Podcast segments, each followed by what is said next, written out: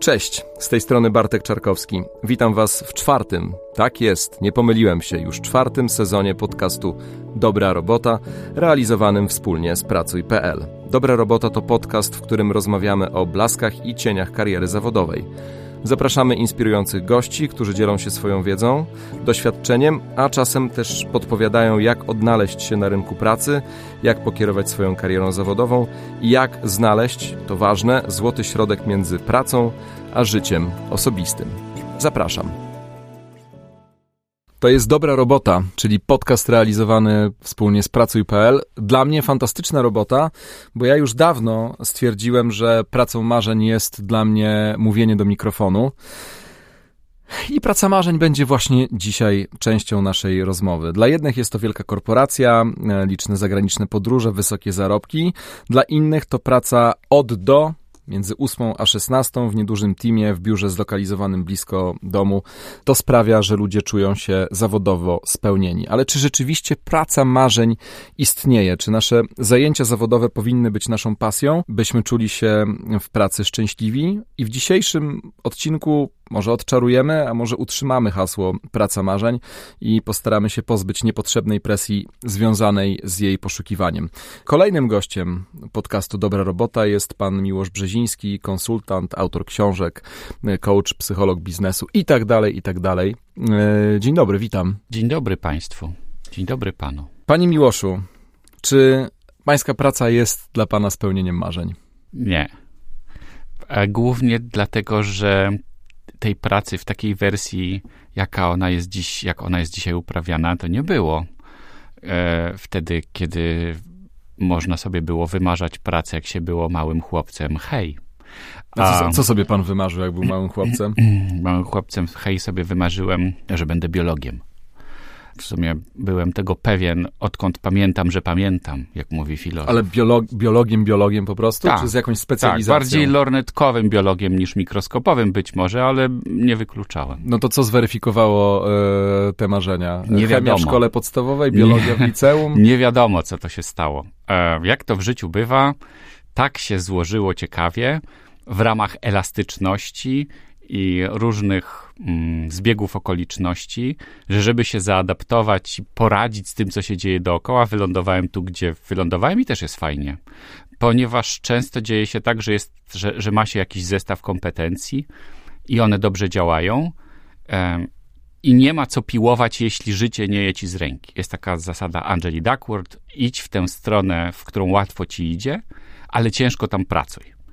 Czyli nie idź w tę stronę, że życie żre ci z ręki, ale w sumie nie ma z tego pieniędzy, nikt tego nie chce, bo możemy na przykład sobie wymyślić, że będziemy sprzedawać tam nauszniki dla bobrów, nie? Bo, bo przecież nie ma na rynku, a bobry, jest zima, one śpią tam mokro I jest. powinno być im ciepło w uszy. Powinno im być ciepło w uszy i my chcemy Tylko nie wiadomo, jaka jest waluta. No, dokładnie. To samo, z tym samym zresztą problemem borykają się nierzadko artyści, bo i oni też mają jakąś potrzebę ekspresji, która to może być bardzo hmm, wysublimowana i mało rozumiana, ale Czasem jednak... wypełnia lukę, a czasem nie. No, dokładnie, ale jednak ktoś to musi kupić i być może Michał Anioł chciał inaczej pomalować kaplicę sekstyńską, ale wtedy proboszcz nie wystawił, znaczy nie zapłaciłby faktury, jakby on tam narysował to, co chciał. Więc narysował to, co wiedział, że się jednak klient spodziewa, a jednocześnie prawdopodobnie, jeżeli było to zgodne z literą pisma, starał się robić tak, jak mu na tym zależy. O tym mówimy często jako randce z wartościami, czyli ja nie muszę się zastanawiać dokładnie, co ja będę robił, ale mogę się zastanawiać nad tym, czy, jak sposób, w który będę to robił, będzie realizujący mnie. Dam przykład. Jest taka pani, która chciała też być biologiem, a właściwie to chciała być przyrodnikiem, naturalistą, żeby z angielska zarzucić. I ta pani finalnie skończyła w zoo. Jako opiekunka tam pewnie jakichś szybkich zwierząt, typu tam żółwie czy inne. I praca była dla niej bardzo nudna. Niby chciała być, ale nagle się zorientowała, że bycie pracownikiem zoo niby jest pracą przyrodnika, niby ma coś wspólnego z tym, co ona chciała robić, ale ta praca nie ma w ogóle takiej struktury, jak ona się spodziewała. Co zresztą się często dzieje, bo my często myślimy, że jak zostaniemy prawnikami, to będziemy tam bronić nie, niewinnych, a winnych ukażemy. A potem się okazuje, że To nie jest tak, że na sali sądowej dzieci wybiegają z kwiatami do nas ciągle, żeby nam podziękować, mm, a chromi odzyskują możliwość chodzenia, tylko że stoimy przy fotokopiarce 20 godzin na dobę, nie? I to jest ta praca. I podobnie z pracą być może weterynarza, która się nie okazuje. No i właśnie ta pani w zoo też miała taki kłopot, że jak już zaczęła pracować, to się okazało, że to w ogóle to nie jest. I pomyślała sobie wtedy, co by tu zrobić, co by tu zrobić. Zresztą nie wiemy, czy tak pomyślała, ale tak myślimy. I wymyśliła, że założy kanał na YouTubie, bo najbardziej brakuje jej tego, że nie ma z kim rozmawiać bo nie wszystkie zwierzęta w zoo są komunikatywne, e, a podejrzewamy, że gady tak raczej mniej. I nie trafił jej się jakiś też super komunikatywny zespół. Jak ganiała z tymi warzywami i wymiatała tam to terrarium, to też jakoś się za dobrze nie czuła. Ale ponieważ miała wiele wiedzy, dużo wiedzy o zwierzętach, lubiła kontakt z ludźmi i lubiła i miała parcie na szkło, to wymyśliła sobie taki patent, że hmm, będę chodziła po zoo i opowiadała o zwierzętach. Nie tylko o tych moich, ale tych w ogóle całej reszcie. No i nagle się okazało, że pykło. I jak pykło, to ona zaczęła wyjeżdżać i robi dalej, dalej, dalej. Więc właściwie czasami się okazuje, że my mamy jakiś koncept, co, co, co by dobrze działało. Zaczynamy go realizować, ale to nie znaczy, że musimy go porzucać, jeżeli czujemy, że to nie jest ten smak, o który nam chodziło, tylko można sobie poeksplorować w okolicy.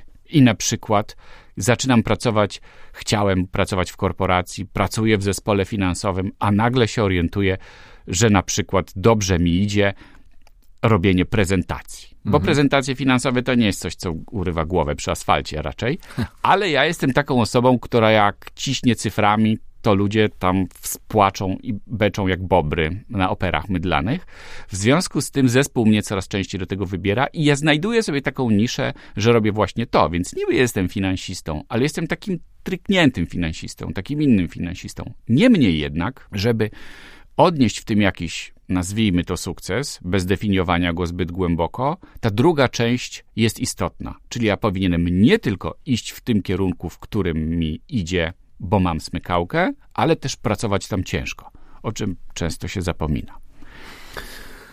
No dobra, to, to jest jakieś podejście do definicji w ogóle pracy marzeń, ale czy ta definicja jest słuszna? Czy w ogóle istnieje coś takiego jak praca marzeń? Praca marzeń jest definicją dość naiwną, dlatego to jest raczej sformułowanie literackie niż, niż jakieś akademickie, którego się możemy trzymać, dlatego że Hmm. Jeżeli ktoś chce na przykład podjąć... No, ale nie no. istnieje jakaś taka idea, że trafię na idealne miejsce, które wypełni wszystkie moje oczekiwania co do życia zawodowego mm. i przeniesie się to także na moje życie osobiste yy, i mm. dobro społeczeństwa wokół mnie.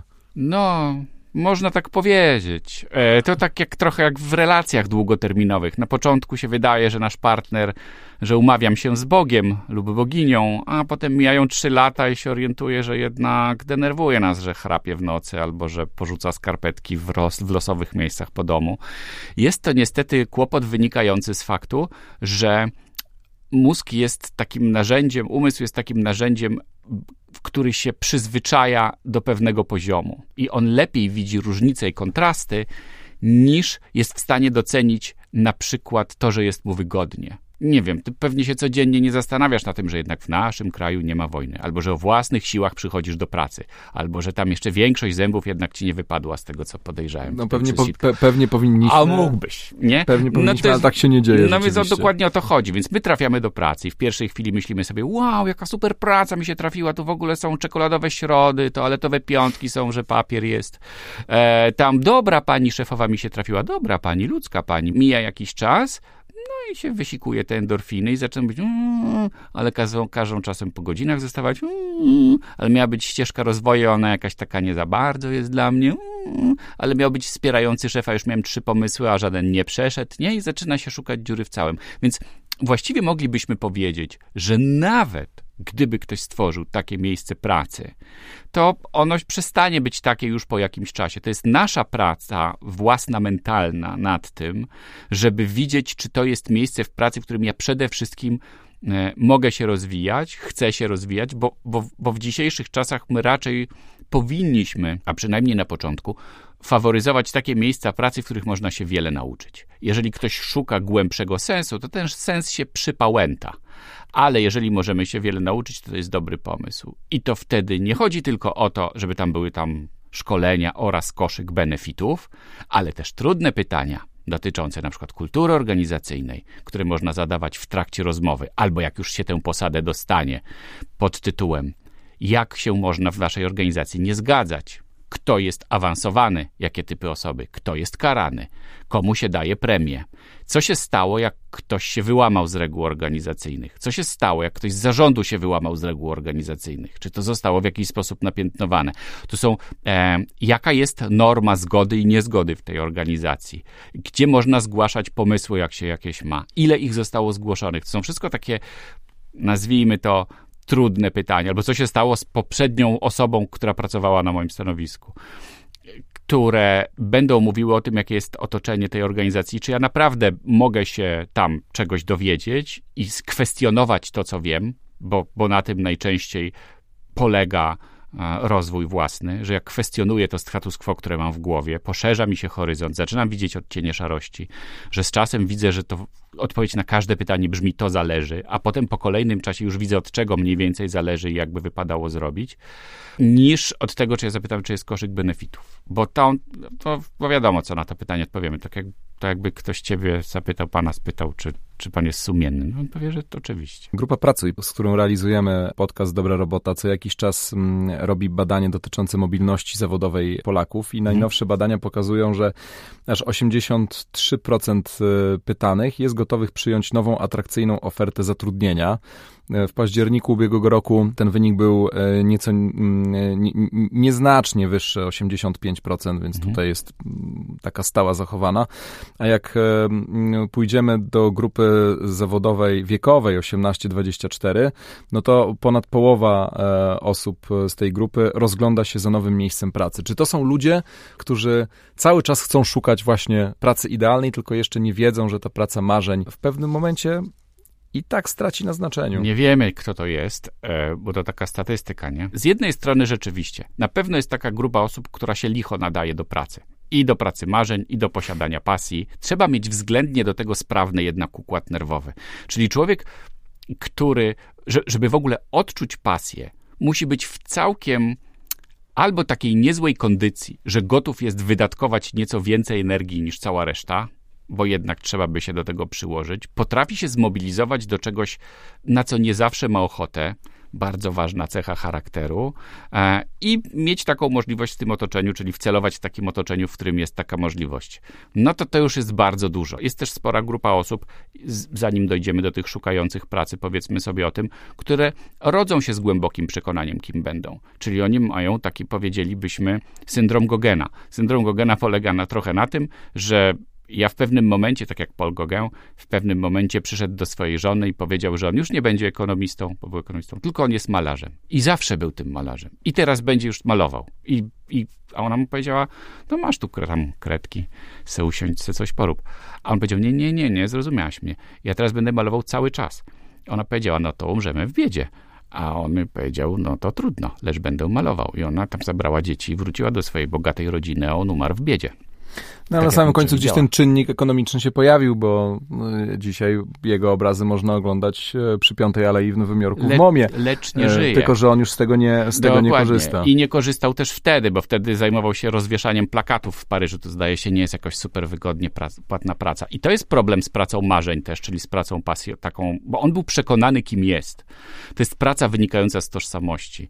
Jest bliżej sformułowania takiego jak jakie powiedział kiedyś Julian Tuwim, jakby ktoś mi nie pozwolił pisać, to mógłby mnie zabić. Ale najczęściej w syndromie Gogena człowiek ekonomicznie kończy gorzej niż wtedy, jak robił to, co było tam w okolicy dobre do robienia czy być może nie tak dramatycznie jak Gauguin, że w skrajnej biedzie, ale kończy gorzej.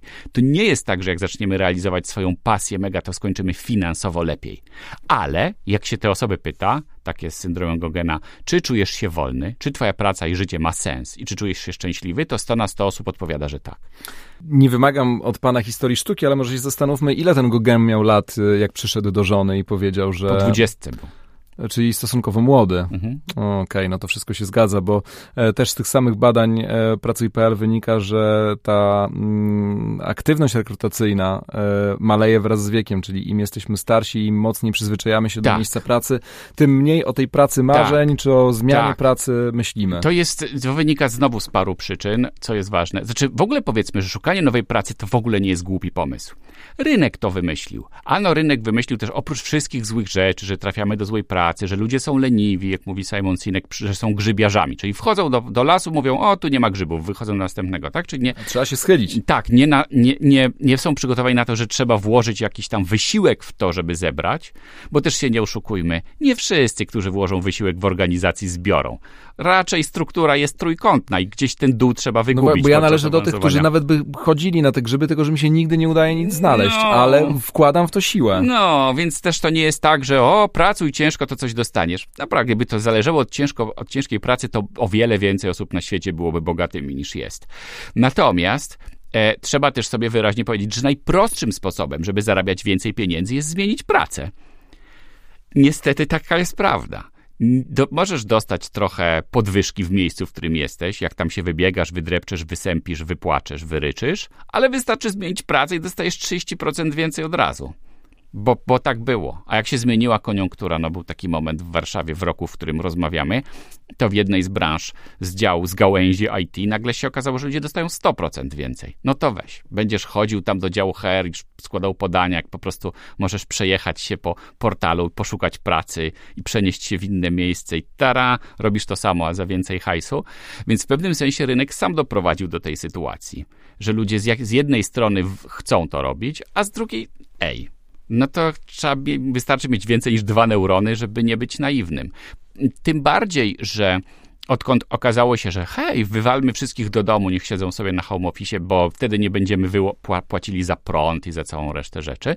Ludzie tam sobie siedzą w domu i pracują, ale to w ogóle nie wiąże pracownika z organizacją, bo jak ja siedzę, to mi jest wszystko jedno, do kogo ja maile wysyłam, nie? Jak nawet mam spotkania na Teamsach, Zoomach czy czymkolwiek innym, to i tak większość osób nie włącza kamer, więc ja nawet nie wiem, z kim rozmawiam. Więc w niektórych branżach to jest w ogóle wszystko jedno, do kogo ja będę raportował. I w ten sposób ta wolność jeszcze bardziej się uwolniła, tak, żeby trochę użyć tautologii, ale, e, ale tak to wygląda. Więc w tej sytuacji rynkowej bobrowanie czy szperanie, nawet dla sportu, w takim miejscu, w którym można szukać pracy, stało się bardzo rozsądnym zajęciem. Nawet jeśli jestem zadowolony z miejsca, w którym jestem. A jak w tym wszystkim, wróćmy na chwilę do, do, do, do, naszej młodości. Pan chciał być biologiem. Ja sobie nie potrafię e, przypomnieć, czy ja miałem jakieś marzenie zawodowe, jak byłem, e, jak No. byłem dzieciakiem. No. E, nie miałem gdzieś predyspozycji sportowych, więc nie widziałem się jako, e, jako piłkarza. E, Praca dziennikarza też przyszła do mnie nagle, e, nadal w młodym wieku, trochę z przypadku i wykorzystałem ten moment. Może trochę nawet jestem tą osobą, która wykorzystała sytuację, ale Mhm. ciężko pracowała. Mhm. Natomiast jak w, tej takiej, w tym takim dążeniu do, do, do bycia zawodowo spełnionym w pracy, która być może wcale nie istnieje, ma się to dzieciństwo i to wpajanie, że my musimy po prostu zrobić e, karierę. Jest gdzieś znak równości pomiędzy koniecznością zrobienia kariery, co słyszymy od rodziców od najmłodszych lat, czyli skończ dobrą podstawówkę, ucz się, Mhm. skończ dobre liceum, idź na studia, e, a nie e, oddaj się swojej pasji, czy nie zrób sobie dwóch lat. e, Mhm. No, na zachodzie to działa trochę inaczej, no ale u nas właściwie musisz cały czas przeskakiwać, e, zdać maturę w liceum Mhm. i szybko zaczynać studia. I to najlepiej te takie, które dadzą od razu e, aspekt finansowy po 24. No. Mm, e, Czy to nas definiuje jako te osoby poszukujące pracy marzeń? Czy mm, wyciska to z nas tą, tą To potrzebę? jest plan kulturowy tak zwany. Tak, to tak często się dzieje, że, że otoczenie nam narzuca, kim mamy być na podstawie własnych doświadczeń i dlatego... Albo ich braku, tylko albo potrzeby. Braku, tylko potrze- tak, wyimaginowanych takich, że jak ja to nie jestem, ale jak ty byś został, to już ci będzie w życiu. Życie będzie jak, tak jak chałka posmarowana masłem, już dojedziesz do emerytury e, na spokojnie. I dla niektórych jest to rzeczywiście taka e, tożsamość przyjęta, czyli się w ogóle nie zastanawiają nad tym. Ty to powinieneś być księdzem, bo kto ma w domu księdza, w domu księdza tego nie spotka nędza i człowiek się na przykład w wieku lat tam załóżmy 40, 30 paru orientuje, że on nie jest księdzem, że po prostu, że już odrobił, Że, ale nie, ja jestem na przykład tam, nie wiem, owczarzem w Bieszczadach, albo żeglarzem, albo kimś innym. To zresztą nie musi dotyczyć tylko powołania, rzecz jasna, ale może każdej innej profesji. Niemniej jednak e, to nas w jakiś sposób definiuje. Edukacja jest czymś, jest taką miękką poduszką, że jakby miało być bardzo źle z nami, to najgorzej nie będzie. No bo już będzie, będziemy mieli te studia. To jak już ktoś ma studia, no to już, to już bardzo źle w życiu nie wyląduje. Trzeba też sobie wyraźnie powiedzieć. Myśli pan, że cały czas pokutuje taka, e, taka wizja? Myślę, że to jeszcze jest to. Myślę, że to tak, że tak. Że gdyby nie to, to nie byłoby takiej produkcji magistrów, doktorów i całej reszty. Że jak ktoś jest po studiach, to zakładamy, że ta osoba, tak jak po wojsku w okresie międzywojennym, na przykład zakładamy, że ta osoba potrafi się zmobilizować do czegoś. No, tak ktoś był na studiach, to wie, że jest spora grupa na każdym roku, która pff, kończy z podobną wiedzą, co zaczęła i nie ma problemu. Ale jednak papier jest papier. To jest trochę takie zabezpieczanie się rodziców po części, że jakby moje dziecko naprawdę do niczego się nie nadawało, to przynajmniej średnio wyląduje i nie będzie mu źle, bo pokaże ten dokument, wszyscy powiedzą, może on jest po marketingu i zarządzaniu, albo po, po afrykanistyce, albo po czymś innym, ale jednak musiał coś przeczytać, musiał usiąść, musiał wysiedzieć. To jak mu się da dokumenty, to on też wysiedzi i to zrobi. To już dzisiaj w ogóle nie jest prawda, a w zasadzie moglibyśmy powiedzieć, że z każdym rokiem coraz mniej jest prawda, ale nawyk został. Czy w związku z tym my mamy szansę się z tego teraz wyleczyć? Gdyby było tak, że my mamy do czegoś pasję, talent, smykałkę i chcemy to wykorzystać, bo w zasadzie nadrzędnym celem edukacji powinno być to, że ona wspiera indywidualność każdej osoby i pracuje z tą osobą nad tym, żeby ta osoba znalazła swój sposób na kontrybucję społeczną. Czyli ja jestem, jeśli jestem wyjątkowym naucznikarzem dla bobrów, to tym z początku naszej rozmowy. Tak, tym ciągle jednak nie zapomnieliśmy o nim. To, po, to, to proces edukacji warto było, żeby tak mnie wymyślił, że ja wiem, jak ty, że to te bobry zyskają, a dzięki temu wszyscy zyskają. Że ja mogę. A ja zarobię. Tak, a ja, a ja nie umrę z głodu od tego. Albo będę robił nauszniki, albo będę robił bobry pacynki, albo bobry maskotki, albo tam wyjadę do innego kraju. No nie, wszystko jedno. Coś, tam, coś mi tam znajdzie do takiego do roboty. Czego oczywiście system edukacji nie robi, zresztą nie tylko u nas, ale, ale nigdzie.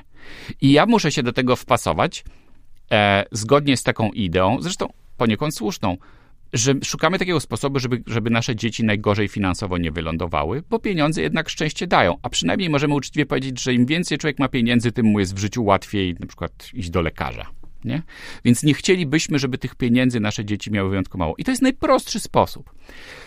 Jest w tym kolejny drugi dobry zamysł taki, że pierwsza część życia, czyli do roku załóżmy 26, to na pewno jest proces edukacji. Człowiek się powinien uczyć tyle, ile się da, a po 26 roku życia, oprócz różnych procesów fizjologicznych, zaczyna w człowieku zanikać, a w zasadzie gasnąć powoli taki rodzaj inteligencji, który nazwalibyśmy ryzykanckim kombinowaniem. Taka inteligencja płynna że ja lubię łączyć ideę, eksperymentować, ryzykować. I oczywiście to jest znowu moment do czerpania z życia, ale my widzimy po sobie, że nam już się nie chce. Że jest był jakiś taki dowcip po dwóch staruszkach. Wiesz, myślałem, że jak będę w tym wieku, to już nie będę mógł. Ale co? Mogę, ale już mi się nie chce.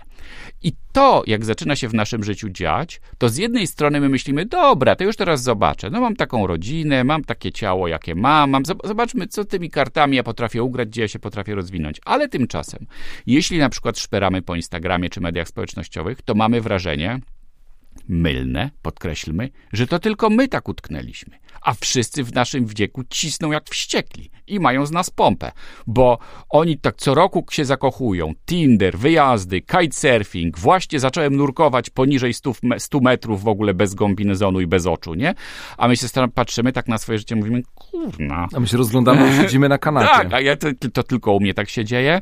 No to jest nieprawda. Życie każdej osoby zwalnia i my zaczynamy wtedy korzystać z innego koszyka niż do tej pory. Na przykład z koszyka głębszej miłości, koszyka bardziej świadomej satysfakcji, koszyka głębszego zrozumienia różnych rzeczy, którymi się zajmujemy. Możemy się dokopać do czegoś, co było do tej pory nieprawdopodobne. I to pewnie też widać. E, I i możemy strzelić w ciemno trochę, że prawie zawsze widać, że młodzi ludzie będą chętniejsi do zmieniania pracy, bo są chętniejsi do ryzykowania, a zwłaszcza w młodym wieku organizacja zawsze się wolniej rozwija niż pracownik. I tu idealnie zrobił mi pan podprowadzenie pod kolejne y, pytanie, czy to dążenie po więcej i wspinanie się po szczeblach kariery, które jest y, właściwe dla y, tego młodego czy średniego wieku pracownika, może w jakiś tam krótszej czy dłuższej perspektywie doprowadzić e, nie do realizacji e, pracy e, marzeń, tylko wręcz przeciwnie, do wypalenia zawodowego. Do wypalenia zawodowego to najczęściej doprowadza sytuacja odwrotna, że my się nie pniemy.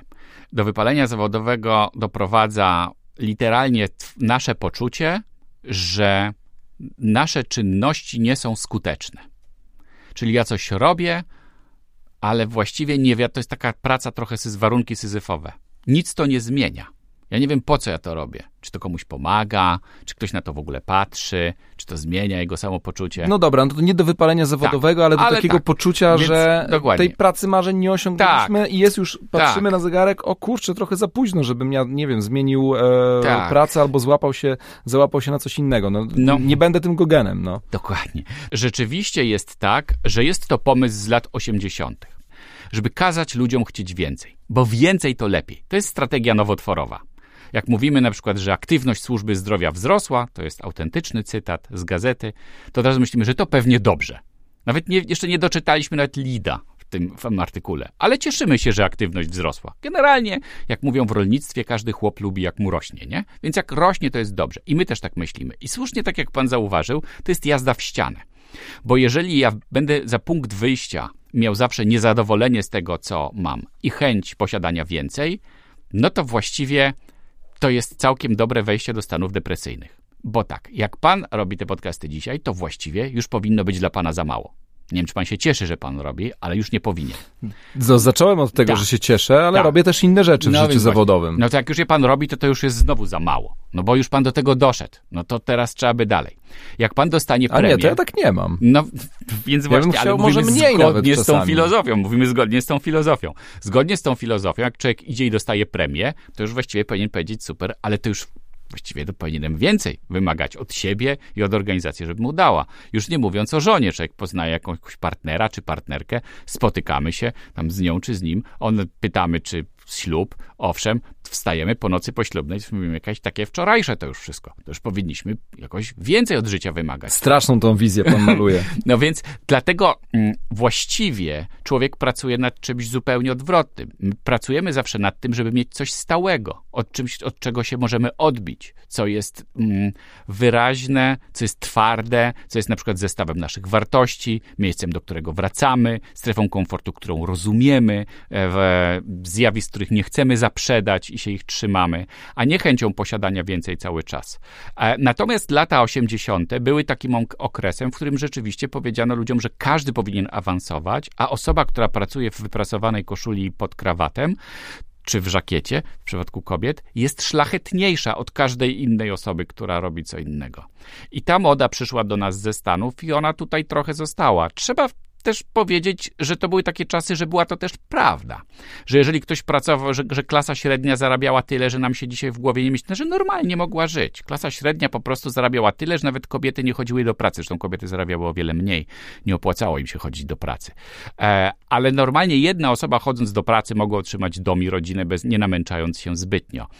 Ten efekt w ekonomii zaginął, ale wątek pracowania, że jak ja będę w koszuli, to będę się lepiej czuł, pozostał. Trochę, bo jest to praca bezpieczniejsza. Co znowu nie jest prawdą, bo jeżeli ktoś nam obiecuje, że podtrzyma nam zatrudnienie przez 3 lata, to mówiąc delikatnie, nie odczytał dobrze dawkowania z recepty, bo nikt nie może ob obiecać czegoś takiego. Nawet jak jest prezesem organizacji, to nie może nam obiecać, że nas utrzyma w pracy. Dlatego szukanie pracy jest procesem ciągłym i, i, i, i rozwijanie się, ale rzeczywiście jest, tak jak pan zauważył, e, myślenie o tym, że więcej to lepiej, nie jest dobrym pomysłem, bo ono właściwie nas skazuje na ciągłe niezadowolenie. Jestem niezadowolony, bo jeszcze nie mam, a jak już mam, to poza tym krótkim momentem, kiedy się jeszcze nie pokapowałem, to właściwie też już zaraz zaczynam być niezadowolony. No bo już teraz to powinienem, na przykład, nie wiem, ja napisał jedną książkę, to ja już ją kończę pisać, to już powinienem być niezadowolony, bo kończę i, i właściwie, żebym się nie poczuł zadowolony, bo mi się nie będzie chciało dalej rozwijać.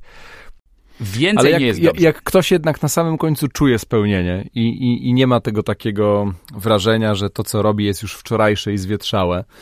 Załóżmy, że tak jest i że trafiają się takie, No. takie, takie osoby. No, trafiają może- się. Nie trafiają się? Trafiają, Trafiają się. No, się. Co, no, pewnie, że się trafiają. Rozwój nie polega na tym, żeby mieć więcej wszystkiego, tylko żeby być bardziej w kontakcie z tym, co ja mogę zrobić, żeby nie umrzeć z głodu, czyli jak ja mam się odnaleźć z tymi kartami, które mam, ze swoimi preferencjami, w tej sytuacji rynkowej, którą zastałem, w tym miejscu, co się urodziłem, co jestem i co mam zrobić. Czyli jakby zagrać nimi jak najlepiej. I to nie oznacza zawsze więcej, ale na przykład inaczej. Bo ja mogę nie chcieć na przykład robić wszystkiego. To nie jest tak, że pan se dokłada pracy. Znaczy, trochę se każdy dokłada, wiadomo, bo mm, i gdzieś tam się musi zastopować, ale nie jest tak, że, pan, że z niektórych projektów my po prostu w życiu też rezygnujemy. Czyli nie robimy jak jednej rzeczy, ro- potem zaczynamy robić drugie, to z tamtych pierwszych rezygnujemy, albo piąte, to i z, i z tych pierwszych rezygnujemy. Więc my raczej Hmm. Strategia takiego, właściwie model dobrostanu psychicznego mówi o tym, że my musimy o parę rzeczy w życiu zadbać. Wymieńmy kilka. Dobra relacja ze sobą samym, bardzo ważna. Czyli ja muszę generalnie mieć całkiem, dobrze by było, żebym miał dobrą samoocenę. Czyli uważał się za osobę, która jest w porządku. Tak generalnie. Taki dobry chłopak, porządny chłopak, fajna dziewczyna, w porządku jestem. Druga sprawa to dobre relacje z innymi. No to nie można se pracy dokładać do tego, bo trzeba też będzie trochę prywatnie zainteresować. Trzecia to mistrzostwo, czyli poczucie, że robię coś lepiej. Nie zawsze robienie lepiej to robienie więcej, bo czasami właśnie inaczej, a czasami mniej. Mistrzostwo czasem, jak powiedział autor Małego Księcia, polega na tym, że nie można już nic ująć, a nie można nic dodać. Ktoś pisze książki, to trochę napisze, ale głównie potem wywala, więc o. E, kolejna sprawa to kwestionowanie swojego status quo i różnorodność. Ja nie, nie muszę wiedzieć więcej, ale mogę wiedzieć inaczej. Mogę się zastanawiać, czy to wszystko, co trzeba wiedzieć na ten temat, czy to jest na pewno prawda, a jeśli nie, to co będzie pra- bardziej prawdą niż to, niż to, co wiem, co, te, co, co robię teraz. E, no i różnorodność. Różnorodność jest jednym z wielkich trzech filarów takiego, takiej satysfakcji życiowej, czyli że moje życie w ogóle jest ciekawe, że są różne rzeczy robię. Gdybym ja na przykład postanowił, czy pan, że będziemy uprawiać kalarepę, bo kalarepa jest dla nas dowodem na istnienie nieskończoności. I posadzimy zagon tej kalarepy. I uda nam się doprowadzić nasze do, życie do sytuacji, w, tylko, w której tylko jemy, śpimy, wydalamy i uprawiamy kalarepę, to mamy już takie doświadczenia, że uznamy nasze życie za nudne. Nie będziemy zadowoleni. Człowiek musi spowodować, żeby w jego życiu działo się trochę coś, coś takiego innego, ciekawego i wariackiego. Na to wszystko trzeba znaleźć czas. Więc mm, wymyśl, myślanie, wymyślanie, że jak, jak będę sobie do, tylko i wyłącznie dokładał, to coś z tego wyjątkowego wyjdzie, nie ma na to czasu w ciągu dnia. O te wszystkie rzeczy po drodze też trzeba, też trzeba się nimi zaopiekować. To czy zgodzi się pan z e, takim zdaniem, że tyle ilu pracowników, tyle modeli e, wymarzonej pracy, która daje nam jakąś taką największą satysfakcję? Kiedyś we Wrocławiu zrobiono takie słynne badania, w których zapytano ludzi, co im daje szczęście w życiu. Połowa osób odpowiedziała, że jak nic nie robią, im daje największe szczęście, a druga połowa podzieliła się mniej więcej między chyba spanie i jedzenie i picie. Chcę powiedzieć, że żeby w ogóle mieć pasję w życiu, to to już jest bardzo grubo. Ustawmy, że szukamy takiego miejsca, w którym ja będę zadowolony, że jestem. I będzie fajnie. I to jest fajna praca. Ja tu się fajnie odnajduję. Ja tu mam co robić. Mam się czego dowiedzieć. Mogę się realizować. Co prawda wkręcam żarówki, ale mogę to zrobić w sposób artystyczny na przykład. Że mam szansę włożyć trochę więcej, jeśli chcę i nie jestem za bardzo hamowany. Więc jeżeli ktoś znajdzie fajną pracę, to już jest w ogóle bardzo dużo. I wtedy możemy tak powiedzieć. Aczkolwiek z perspektywy pracodawcy, pracodawca właściwie w dzisiejszym świecie zadaje pracownikowi pytanie jedno. Kim byś chciał zostać i jak ci mogę w tym pomóc? Więc jeżeli ktoś się zatrudnia na jakimś stanowisku, to właściwie jest jego zestaw obowiązków, żeby wymyślić, jak to stanowisko opracować pod siebie, żebym ja robił to, co przynosi profit organizacji, czyli pewnie wszyscy będą zadowoleni, ale też ugrał coś dla siebie, bo mam szansę, bo na przykład jakbym chciał być finansistą, który robi prezentacje, no to jakbym nie pracował w tej organizacji, to sobie mogę robić prezentację tam dla rodziny. A tutaj mam możliwość grania w dużymi klockami. Mogę nawet z zagranicą robić prezentację, jak się dokształcę tam z jakiegoś języka czy coś tam. Czyli wykorzystuję miejsce, w którym jestem do tego, żeby je podkręcić, tak podkalibrować, zarzućmy ze Staropolska, skustomizować pod siebie że ja to robię tak, żebym. I ja się cały czas zastanawiam. Oczywiście tu robię tabelę, tabelę, tabelę, ale teraz na przykład będzie prezentacja. Jak to mogę zrobić tak, że nikt tego wcześniej nie widział? Bo jednak chcę być w tym coraz lepszy. I tu się okazuje wtedy, że pracę marzeń też trochę samemu się robi. Kilka miesięcy temu w tym podcaście mm, w jednym z sezonów gościła e, Asia Okuniewska, jedna z najpopularniejszych polskich podcasterek i powiedziała w rozmowie ze mną, że po pracy w agencji reklamowej, gdzie była copywriterką, e, wyjechała na Islandię, gdzie zresztą mieszka do dzisiaj mm, i tam pracowała w restauracji. To jeszcze było przed boomem na podcasty i przed tym, jak Asia mm, mhm. zaczęła pracować e, przy mikrofonie. I pracując w tej restauracji miała poczucie, że ta praca taka właśnie to nazwijmy ją, że praca w restauracji jest pracą fizyczną. Mhm. Jest bardziej efektywna, bo wszystko, co ugotowała, e, zrobiła własnymi rękami, to wyszło do klientów, e, mogła dokładnie policzyć, ile tych posiłków w ciągu dnia było, zobaczyć e, efekt na twarzach zadowolonego konsumenta. No generalnie urealniła swoje, swoje zadania, a mhm. praca w agencji reklamowej, która była pracą gdzieś tam w sferze takiej komputerowej, że komuś się gdzieś tam podoba mitycznemu klientowi albo albo się podoba, albo nie, coś tam trzeba było pozmieniać, no ale zmierzało to do, e, do Nikon, bo często też po prostu te przetargi organizowane przez agencję e, ASI no, nie wygrywały i czasem łapiemy się na tym, że ten prestiż pracy w takich wielkich firmach, dużych korporacjach nie wiąże się wcale z satysfakcją, tylko coś mniejszego daje nam, mm, e, nam poczucie bezpieczeństwa i daje nam tą taką jakość pracy. Sens większy. Sens, tak, tak, mhm. tak. Ale tak. No, chyba potrzebujemy po prostu po drodze takich e, doświadczeń, pewnie trochę błędów, pewnie trochę zmian, żeby gdzieś na końcu e, dojść do tego, tak. znowu się po, o, podeprę tym Gogenem i stwierdzę, że no ja chcę właśnie robić to. I Oprócz, to mi tak. daje... Znowu jest tutaj parę rzeczy. Oprócz syndromu Gogena jest też mit Gogena, czyli ja myślę, wyjadę gdzie indziej i to mnie transformuje. Najczęściej ja tak, tak, bardzo często myślę. Na tak, najczęściej się tak nie dzieje właśnie. Że jak wyjadę, rzucę to wszystko, wyjadę w Bieszczady i tam wymyślę, co bym chciał robić, to nie jest dobry pomysł. My najczęściej statystycznie e, znaczy, ta narracja, taka, taka narracja, tym było fajnie, a znowu się zepsuło, zostanie z nami w, tym, w tych Bieszczadach.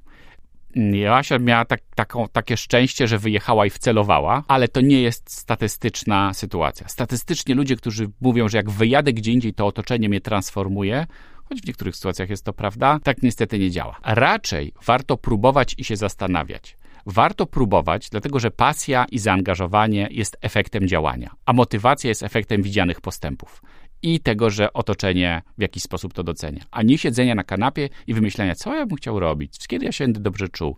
Kiedyś Carlos Santana powiedział, że rozmawianie o muzyce jest jak tańczenie o architekturze. Tak? W, w, w naukach zen jest też taka historia. Ktoś nie wejdzie na szczyt, to mu ciężko wytłumaczyć, o co w tym chodzi, bo rozłożone na czynniki pierwsze traci swój sens.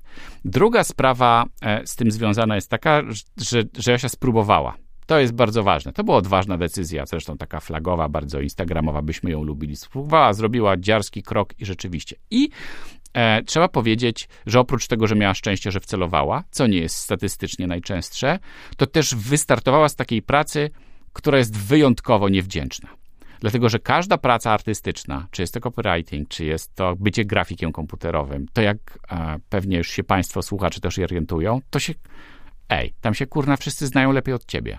No to jest jak bycie scenarzystą filmowym. Kończysz szkołę scenopisarstwa, piszesz scenariusz, ktoś go nawet do ciebie bierze, trafiasz na forum, nagle się okazuje, że w ogóle tam jest reżyser, pani Lonia, tam kostiumografka, producent i wszyscy się znają lepiej od ciebie. Albo robisz projekt graficzny, czego tam, jakiejś reklamy, oddajesz to klientowi, a klientka mówi, no ja pytałam męża, on mówi, że logo za małe, nie? Albo że logo powinno być inne, albo że w innym miejscu i coś tam. I po, podobnie mają copywriterzy. Więc jeżeli nie masz takiej możliwości, żeby pracować tylko dla siebie, bo na, na najwyższym poziomie, na poziomie mistrzowskim, to już człowiek robi tylko dla siebie. To już się nikt nie zorientuje.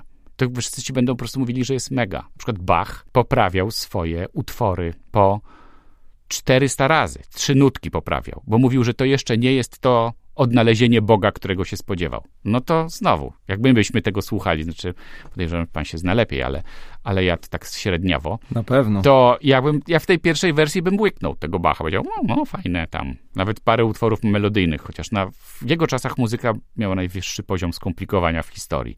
Więc on to robił tylko dla siebie, bo uważał, że to po prostu nie jest godne, żeby tak było. On sam z tym nie może żyć. I my w wielu profesjach do tego dochodzimy, że my już poprawiamy tylko dla siebie. I ani klient tego nie zauważy, ani nasz pracodawca, bo wszyscy po prostu są gorsi w tym, co robimy. Ale my cały czas sobie podnosimy poprzeczkę, żeby czuć się dobrze ze sobą. Że ja cały czas bo życie dobrze przeżyte to takie, w którym guma jest napięta. Więc to jest kolejny element tego, że w pracy, która jest syzyfowa, i w przypadku Jasi tej, tego copywritingu, gdzie to nie jest tak, że coś stworzysz i tam cukier krzepi, żeby sięgnąć do klasyka i wszyscy powiedzą, wow, to jest mega, puszczamy. To nie, no przecież cukier krzepi, a ktoś ci powie, no ale wszedłem, zapytałem panią asystentkę, ona powiedziała, że jej nie krzepi, nie? I ty teraz rozkładasz ręce, bo masz kilka takich konkretnych z języka polskiego, zwłaszcza jego łaciny, odpowiedzi co na to powiedzieć i co sądzisz o opiniach z testu korytarzowego, ale nic nie możesz zrobić, bo musisz przerobić to na wersję swoim zdaniem gorszą i według swojej wiedzy też gorszą. Dlatego być może to, co pomogło e, Jasi w tamtej sytuacji, to zmiana struktury na taką, chociaż analiza wsteczna jest zawsze upośledzona, że po pierwsze miała większą autonomię, autonomia, poczucie mistrzostwa i sensu, bardzo ważne filary motywacji, miała większą autonomię w tym, w tym, tym co mogła i miała bezpośredni kontakt, in, informację zwrotną od klientów, która jest pozytywna. Ludzie jedli i byli zadowoleni z tego, co jedzą. Raczej w e, tym takim, w tej pracy artystycznej w biznesie, czyli copywriting i, i bycie grafikiem, to na końcu to, co czujesz, to jest ulga, że wreszcie wzięli. Bo nawet jak masz pierwszy pomysł, który jest mega fajnym, ekstra super, to już zaczynasz karcić sam siebie, że nie, nie, nie, na pewno tego nie wezmą w takiej wersji. Na pewno coś będzie poprawione. No i dłubiesz, dłubiesz, dłubiesz, dłubiesz, aż za jedenastym razem mówią, dobra, to już niech tak będzie. No to weź. Ciężko satysfakcję na czymś takim budować. A skoro zaczęliśmy kategoryzować pracę, e, to skąd biorą się stereotypy, że praca biurowa jest zawsze bardziej prestiżowa niż praca fizyczna? No, no to, to jest taki pomysł, ten stereotyp, e, jak pewnie część z Państwa pamięta albo wie z książek, nie jest w Polsce jakoś super najpopularniejszy. Znaczy nie był zawsze, ale w latach 80. pojawiła się taka idea właśnie, że to jest lepszy pomysł i, że, i, i wiele takich um, powstało profesji i wiele książek, nawet z dziedziny psychologii. E, w, jest taka książka, być może Państwu znana, Inteligencja emocjonalna Golemana i w tej inteligencji emocjonalnej jest zaszyta taka presupozycja, która jest nieprawdziwa, że jak ktoś chce być dobrym człowiekiem, to powinien pracować w krawacie, bo dobrzy ludzie to robią, a jak ktoś nie pracuje w krawacie, to jest takim gorszym gatunkiem człowieka. I ona została. To jest, to jest w ogóle niezasadne, bo wiele z tych osób jakoś specjalnie dużo nie zarabia, za to firma sporo z nich wyciska. Myślę, że coraz bardziej kształtuje się też taka taka myśl, że dobrze być przedsiębiorcą i samemu coś robić. Nawet jeśli to nie będzie jakoś super intratne, czyli a, a będzie po prostu średnio intratne, to będzie nam łatwiej e, w życiu ze względu na to, że to będzie znośniejsze mentalnie, czyli na przykład nie będziemy musieli się borykać z ludźmi, których uważamy za mniej rozgarniętych od nas. Czyli będziemy mieli większą kontrolę nad tym, co się dzieje. Będziemy mieli też szansę ten biznes, który robimy, będzie bardziej zwrotny, bo na przykład będziemy mogli robić podcasty, ale potem z elementami śpiewanymi, jak nam się zachce. Nikt czegoś takiego nie robi, ale my sobie sprawdzimy. A zanim przepchniemy elementy śpiewane do podcastu, który jest na przykład częścią jakiejś dużej kolubryny podcastowej w dużej firmie produkującej miliony podcastów, to zanim to wszystkie biurka obejdzie, to już nam się odechce. Więc wydaje mi się, że my raczej przesterowaliśmy się trochę, bo to, bo to pokolenie raczej, takie powiedzieć, moje było tym garniturowym pokoleniem. Ono wymrze. I będzie takie pokolenie prawdopodobnie przedsiębiorcze, startupowe trochę, może nie startupowe, ale przedsiębiorcze bardzo, żeby robić coś swojego, żeby, żeby o, o wiele większej, większa szansa jest zarobić będąc dostawcą korporacji niż pracownikiem. To trochę już zabrzmiało jak podsumowanie tej rozmowy, ale jeszcze mm, e, dwa pytania. E, panie Miłoszu, skoro już wiemy, jak trochę wiemy, jak zdefiniować to pojęcie własnej pracy marzeń, to jak najlepiej zabrać się do tego, żeby ją znaleźć? Hmm, najlepiej zabrać się do tego w taki sposób, żeby po pierwsze zastanowić się, co ja lubię codziennie robić. To jest po pierwsze, takie pierwsze pytanie. Dlatego, że różne prace polegają na wykonywaniu różnych czynności. Kiedyś w ogóle była taka idea, żeby po liceum, jak ktoś chce iść na studia, najpierw wziął sobie rok wolnego i poszedł na staż w, tą, w tę profesję, którą uważa, że jest jego praca marzeń i zobaczył, co tam się robi od rana do nocy. Bo tak jak rozmawialiśmy wcześniej, prawnik niekoniecznie jest na sali sądowej, a lekarz, a, a, a na przykład a weterynarz niekoniecznie masuje chomiczki od rana do wieczora. Tylko ta praca może polegać na przykład na użeraniu się z kimś, albo na tym, że ludzie są niezadowoleni. Więc żeby sobie zobaczyć, bo to nie efekt końcowy naszej pracy będzie dla nas motywujący, tylko taka codzienność. Co tam się w ogóle robi, co moje ręce robią, jak ja tam jestem. To jest pierwsza sprawa. Druga sprawa, e, warto się wtedy też zastanowić, e, co z tego mi dobrze idzie. Część z tej historii odpowiemy sobie sami, ale całkiem spora część tej historii to informacje od naszych znajomych. Dlatego, że oni dobrze widzą, w czym my jesteśmy dobrzy i czasami są to informacje zaskakujące. Ktoś może powiedzieć na przykład, ty się nie nadajesz, ktoś chce być naukowcem. On powiedzą, ty się nie nadajesz do robienia badań, ale nieźle o nich opowiadasz. I człowiek zaczyna, już taki robak zwątpienia go tam wyżera wtedy. To co ja właściwie powinienem robić? Nie? Żeby jakoś, może ja rzeczywiście jestem mało jakiś tam sumienny albo mało skrupulatny, ale potrafię znaleźć jakiś taki model i metaforę, że ludzie za tym idą. Czy to można tylko jakąś profesję skroić, czy ja powinienem w jakimś specjalnym miejscu pracować, a może być rzecznikiem prasowym gdzieś albo coś takiego. I to jest, i to jest druga sprawa. Im więcej takich osób wpłynie na budowę, na informacje o tym, jak moja, jak moja tożsamość jest widziana i co ludzie uważają za przydatne w okolicy, tym większą mam szansę, że wceluję w coś, za co będą ludzie gotowi mi zapłacić. No i wtedy się zaczynam już orientować w takich kwestiach merytorycznych, czyli co, gdzie, gdzie można spróbować wystartować, ile się wtedy zarabia i tak dalej, i tak dalej. Ale na pewno zastanawiamy się nad tymi dwiema kwestiami, dlatego że to gdzieś to pytanie w naszej rozmowie na początku się pojawiło. Czy to dobrze, jak ktoś pracuje z pasją, czy to niedobrze? To jest dobrze dla wszystkich, dlatego że ja jako osoba pracując z pasją mniej się męczę, a organizacja też jest w stanie więcej ze mnie wycisnąć za mniej pieniędzy.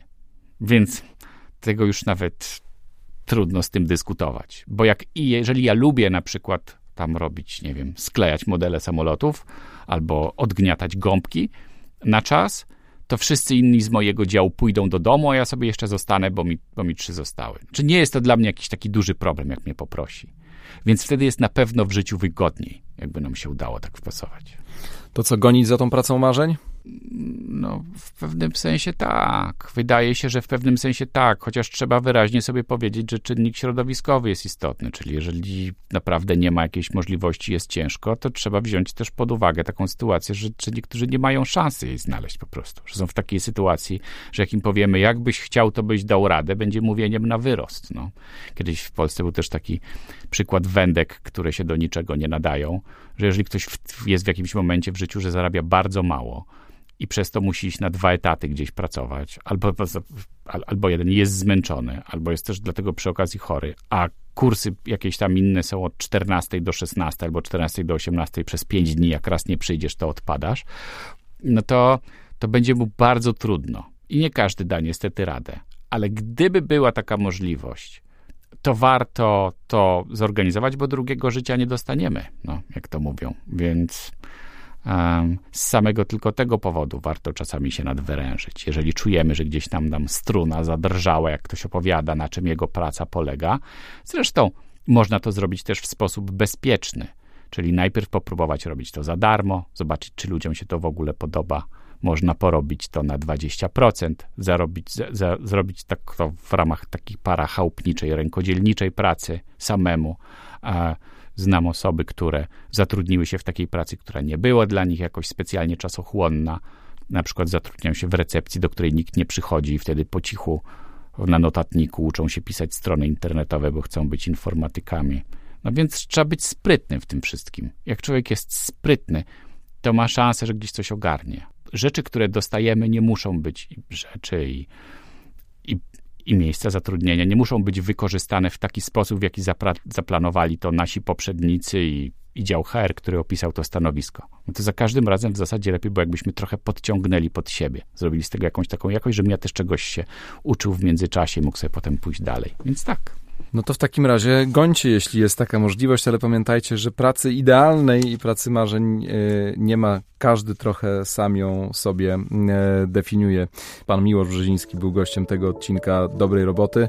Przemyślenia i ewentualnie komentarze, bo może komuś z Was udało się i mm, z chęcią się z nami tym podzieli. Warto zostawić pod tym odcinkiem e, podcastu na YouTubie, ale pamiętajcie, że są także social media pracuj.pl, bo dobra robota to podcast realizowany wspólnie z Pracuj.pl. Do usłyszenia we wszystkich portalach e, streamingowych. Dziękuję bardzo. Dziękuję panie redaktorze. Wszystkiego dobrego. Wszystkiego dobrego. Do usłyszenia.